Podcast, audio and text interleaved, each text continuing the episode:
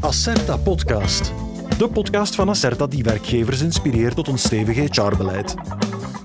We behandelen de meest actuele HR-thema's, toekomstgericht en gebaseerd op feiten.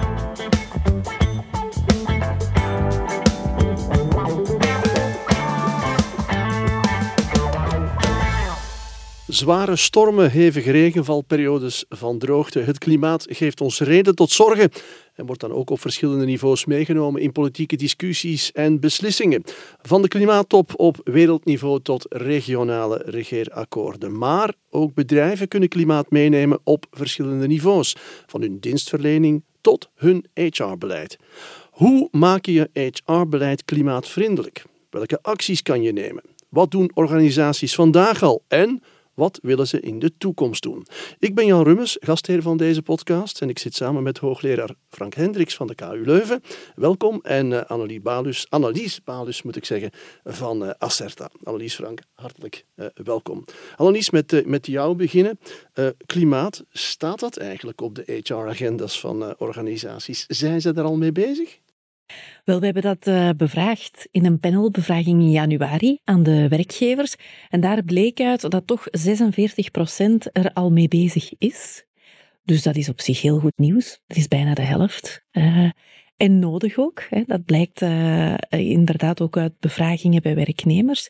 Nu, natuurlijk is de vraag, um, wat is bezig zijn met klimaat? Hè? Gaat het dan over de klassiekertjes, zoals minder printen en beter recycleren, of is het structureler dan dat? Uh, dat weten we niet, natuurlijk. Dus daar zit nog wel een grote gap. Frank, ik hoor 46 procent. Dat wil zeggen dat de helft van de werkgevers vandaag nog geen werk gemaakt heeft van uh, een klimaataanpak in dat HR-beleid. Hoe kunnen we ervoor zorgen dat dat, uh, dat dat wel gebeurt? Hoe zet je dat op de agenda? Ja, dat is een beetje een karakteristiek van uh, dit soort onderwerpen, denk ik. Hè. Vaak wacht men op initiatief van een overheid en is dat het lange wachten op iets dat misschien wel laat komt of te laat komt. Dus ik denk dat proactief zijn en zich verantwoordelijk voelen, dat dat eigenlijk twee belangrijke aspecten zijn.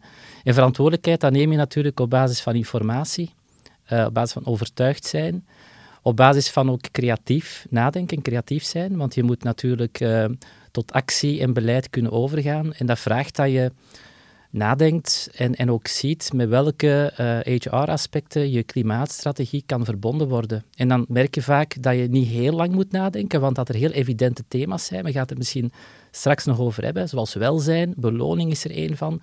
De manier waarop we naar het uh, werk en leven kijken in het algemeen, zijn dimensies die eigenlijk ja, wisselwerken met, uh, met het klimaatbeleid. ja.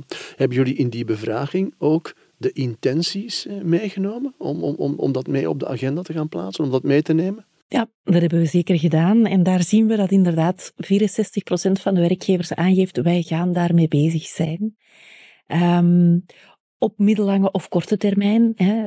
Um, en dat zal ook nodig zijn om daar op tijd mee te beginnen, want het is inderdaad niet zo evident om, als je het structureel wil aanpakken, om dat uh, op hele korte termijn te doen. Dat vraagt altijd wat meer energie en wat meer uh, tijd. Want, want, de maatschappelijke rol van organisaties in het klimaatverhaal is natuurlijk groot. Hè? Is dat ook de reden waarom ze willen inzetten op klimaat? Ja, onder andere. Dus we zien inderdaad dat die maatschappelijke rol een van de grote motieven is. Naast uh, ja, een aantrekkelijke werkgever zijn natuurlijk. En ook het, het, het persoonlijk geloof in, in de, de bijdrage aan het klimaat. En dat is heel goed, want dat zijn eigenlijk um, motivatoren die ook heel goed werken, hè, die intrinsiek zijn, die maken dat je ook uh, doorgaat als het even moeilijk gaat. Dus op zich zijn dat uh, de goede thema's en de goede redenen om ermee bezig te zijn. Belangrijk is wel natuurlijk dat je ook de werknemers mee op je kar krijgt en daarvanuit een, een, uh, een authentieke betrokkenheid met hen over praat. Ja, wat denk jij ervan, Frank, van die motivatoren, van die drijfveren om in te zetten op klimaat? Ja, ik denk motivatie is heel belangrijk, overtuigd zijn is belangrijk. Uh, uh, maar het is ook het, het tonen van de motivatie. Dus ja, alles zit in ons gedrag. Zeker wat klimaat betreft, maar ook wat samenwerken met mensen of tussen mensen betreft. En ik denk dat uh, men vaak ja, kan beginnen en, en moet nadenken over de kleinere stappen, niet altijd over het grote design, maar dat de kleine stapjes die genomen worden ook vaak een soort van ja, voorbeeldgedrag zijn. En mensen kijken toch vaak naar anderen om ook iets te doen. Dus als dat een soort domino-effect dan met zich meebrengt, dan zou dat heel mooi zijn. Jij die al jaren bezig bent in je vakgebied met, eh, met klimaat, zijn er nog andere zaken die die verandering wat kunnen stimuleren? Ja, als ik zo een beetje de, de helikopterview moet nemen van, eh, van mijn vakgebied, dan zie je dat we de laatste uh, jaren, maar zeker decennia, hè, eigenlijk met heel wat ja, gamechangers eigenlijk te maken krijgen. Hè. Globalisering was er daar uh, één van in het verleden. Technologie is zo'n andere. COVID-19 was ook vrij drastisch en disruptief allemaal. En de vraag is, hoe gaan we daar juridisch mee om, maar hoe gaan we daar ook in arbeidsorganisaties mee om? En wat je merkt in het patroon van uh, verandering, is dat je eigenlijk twee dingen echt nodig hebt. Dat is je veranderingsbereidheid. Zijn we ja, bereid en willen we allemaal die stap zetten uh, naar iets nieuws? En ook de veranderingscapaciteit. Dus zijn we in staat om dat te doen? En dat vraagt natuurlijk heel wat condities. Uh, naast motivatie moeten de mensen ook gewoon uitgerust zijn en organisaties ook en geholpen worden om dat te doen. Maar bereidheid en capaciteit zijn zeker twee voorwaarden. Dan wordt er vaak van uitgegaan, Annelies, dat het vooral de jongere generatie is die daarmee bezig is met dat, met dat klimaat. Maar dat blijkt niet helemaal te kloppen. Nee, dat klopt zeker niet. Uh, en dat, dat, bleek ook heel duidelijk uit twee bevragingen die we hebben gedaan. We hebben eerst werkgevers bevraagd. En daar bleek inderdaad uit dat zij ervan uitgaan dat de, vooral de millennials, de 25-jarigen, dit zeer belangrijk vinden. Maar als we dat dan bevragen bij werknemers, zien we dat leeftijd totaal geen parameter is. Dat, dat elke categorie dat heel belangrijk vindt en wellicht zijn eigen accenten wel legt in de soorten van uh, acties die men verwacht. Maar het is zeker een feit dat, uh, dat uh, werkgevers daar moeten aan werken voor elke generatie die ze hebben op de werkvloer. In het aanbieden van bepaalde dingen?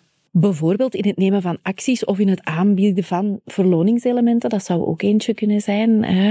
Um, en, en, elke uh, generatie zal daar zijn eigen uh, uh, noden hebben. Dus ik denk dat het begint bij luisteren naar je medewerker en luisteren wat die noden zijn. En er zeker niet van uitgaan dat dat een, een polariserende factor zou zijn op de werkvloer. Helemaal niet. Maar mobiliteit is dan een klassieker hè? in heel het verhaal. Werken jullie dat ook? Dat het dat dat meegenomen wordt in dat HR-beleid, New Look? Absoluut, ja. En ah, dat, is, dat ligt voor de hand, omdat dat natuurlijk ook van rechtswege al een stuk geregeld is. Hè. Zoals Frank zegt, soms wachten bedrijven tot het effectief geregeld is. En dat is nu een pijler die wel even op zich heeft laten wachten, maar genoeg uh, duwt nu aan dat, uh, aan dat beleid naar een vergroening van vloot bijvoorbeeld. Hè, en, en de fietsvergoeding die, die heel populair is geworden. Um, maar we mogen het denk ik niet verengen tot mobiliteit alleen.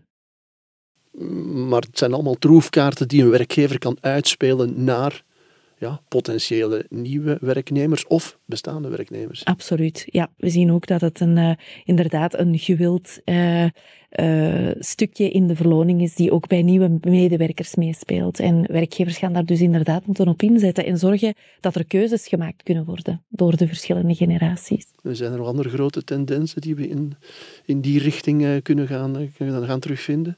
Ja, je ziet nu natuurlijk, hè, het is uh, nog onlangs gebleken dat uh, mensen ook uh, bijvoorbeeld telewerk heel belangrijk vinden. Hè. Thuiswerken, thuis kunnen werken en zich niet moeten verplaatsen. Dat is nog altijd de groenste kilometer, de kilometer die niet gereden wordt.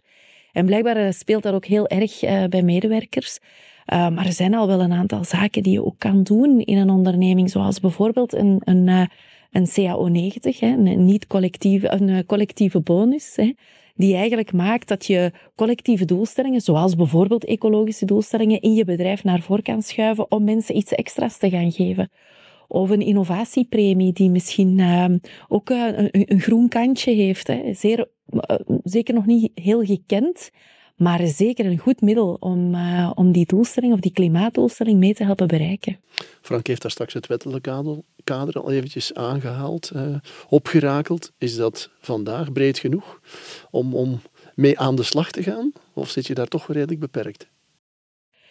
Ja, we zouden natuurlijk willen dat het breder is. Hè. Ik denk dat vooral inderdaad mobiliteit aangepakt is en dat dat een, een, stukje is dat nu geregeld is, maar we missen nog wel wat componenten, denk ik. Eh, als we kijken naar uh, ja, de noden rond energie, rond uh, ja, renovaties, uh, alle thema's waar gezinnen en werknemers mee bezig zijn, dan zien we toch nog dat daar wel een aantal gaten zitten en dat het risico bestaat inderdaad dat, dat een werkgever gaat wachten tot, uh, tot die regels er zijn. En ik vrees dat het dan eigenlijk te laat is. Als we kijken naar hoe groot de nood is, uh, niet alleen maatschappelijk, maar ook bij onze werknemers, ja, dan, dan gaan we eerder in gang moeten schieten. Ja, jij houdt ook de vinger aan de pols, Frank. Zitten er bepaalde nieuwigheden in de pijplijn op het wettelijke vlak dan? Ja, als ik in, als ik in mijn wereld kijk, het academische, uh, zie je dat het een globale discussie is. Hè, in alle landen in de wereld die iets met klimaat willen doen en waar het neerdaalt in het HR-gebeuren worden er vragen gesteld over al die dimensies die samenhangen uiteindelijk. Hè? Want het, het punt is eigenlijk dat je, uh, je wil al die componenten die in HR al misschien aanwezig zijn, die wilt je met elkaar op een of andere manier verbinden in wat ik dan noem een groter verhaal. En ik denk als je een soort van, ja, in je organisatie een soort van narratief hebt, waarin klimaat centraal komt staan, dat je ook een heel coherente visie kunt hebben hoe bijvoorbeeld welzijn, mobiliteit, het anders werken, het thuiswerken, werk- en privébalans, hoe dat allemaal mooi in een verhaal past. En dat is eigenlijk, denk ik, de kunst en de creativiteit waar we het al eerder over hadden, die, die nodig is om die stappen te zetten. En ik denk dat de regelgevers die ook nodig hebben. Hè? Die, die verhaallijn en die creativiteit. Bijvoorbeeld om na te denken over wat betekent het om, om een bonus hè, als return te geven voor welke prestatie of voor welke ja, uh, inzet. En dan zie je dat de klimaatinzet zeer goed past in, in dat verhaal want je moet wel opletten dat uiteindelijk op het einde van de reis niet iedereen op iedereen zit te wachten en uiteindelijk je geen stap vooruit gaat. Ja, zo is dat. Dus vandaar de, ja, een beetje het pleidooi om daarin proactief te zijn en om uh, vanuit, vanuit een visie te kijken naar de regels en niet alleen zomaar naar de techniciteit van de regels. Hoe zit het met het uh, sociaal overleg? Uh, hoe kan daar het klimaat mee op die agenda geplaatst worden? Lijkt me ook geen simpele. Nee, maar ik denk dat sociaal overleg een heel belangrijke factor is. En dan bedoel ik zowel ja, op het eh, centrale beleidsniveau, zeg maar, als op ondernemingsvlak. Uh, je kan deze stappen niet zetten zonder betrokkenheid en overleg en informatie met uw personeel en met uw vertegenwoordigers. Ik denk dat uh, ja, het sociaal overleg ook getoond heeft in het verleden dat men uh, ook een beetje weg kan gaan van die klassieke ja, bread and butter issues. En dat men ook kijkt naar uh, de manier waarop wij in het leven en in het werk staan. Het is niet toevallig dat de Europese sociale dialoog, wanneer ze een zelfstandig initiatief hebben genomen in het verleden, dat dat in 2002 telewerk was. Dat was eigenlijk het eerste autonome resultaat van die sociale partners, wat eigenlijk meer de manier van werken was. En dat is ja twintig jaar geleden nu. En dat was toch eigenlijk vrij uh, vooruitstrevend om daar al een deal over te hebben. Dus ik geloof wel in die sociale dialoog, die het ook al in het verleden gehad heeft over de andere uitdagingen, zoals grensoverschrijdend gedrag op het werk, geweld op het werk, de werking van de arbeidsmarkt, mobiliteit. Uh, men heeft ook over digitalisering recent gehad. Dus dit zijn allemaal thema's die echt kijken naar hoe moeten arbeidsorganisaties in elkaar steken. Ja, maar we hebben voor dat telewerken bijvoorbeeld wel een gezondheidscrisis nodig gehad om dat echt na meer dan twintig jaar of bijna twintig jaar van grond te laten komen. Hè? Zo is dat. Eigenlijk uh, is het een beetje zo het verhaal van een crisis kan ook altijd helpen om iets te bewegen. Maar dat is, dat is, ja, dat is denk ik ook wel een vaststelling die we, die we mogen doen. Daar moeten we niet naast kijken. Heb jij daar nog iets aan toe te voegen, Annelies?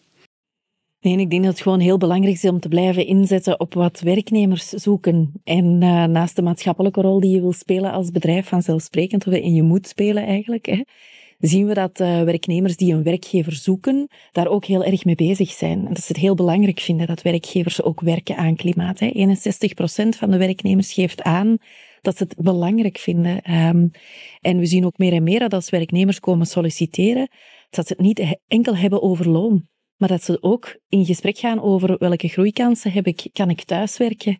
Um, dus dat zijn zeker dingen die, die op de agenda staan bij de werknemer. En evengoed ook eh, groene waarden die een bedrijf bijvoorbeeld naar voren schuift, wordt meer en meer belangrijk. Uh, dus om een aantrekkelijk bedrijf te zijn, zal het zeker nodig zijn om, uh, om daarmee bezig te zijn en niet te lang te wachten. Dat is een mooie afsluiter. Annelies, Frank, bedankt voor dit aangenaam en boeiend gesprek. En wil jij de mogelijkheden van een klimaatvriendelijk HR-beleid verkennen? Surf dan zeker naar acerta.be slash klimaat. Bijzonder de moeite om te doen. Dit was Acerta Podcast. Abonneer je op de Acerta Podcast voor meer interessante inzichten in nog meer actuele HR-issues of bezoek onze website acerta.be. Reageer ook gerust, want een directe lijn tussen werkgevers en Acerta is de beste garantie voor performante HR. We horen elkaar.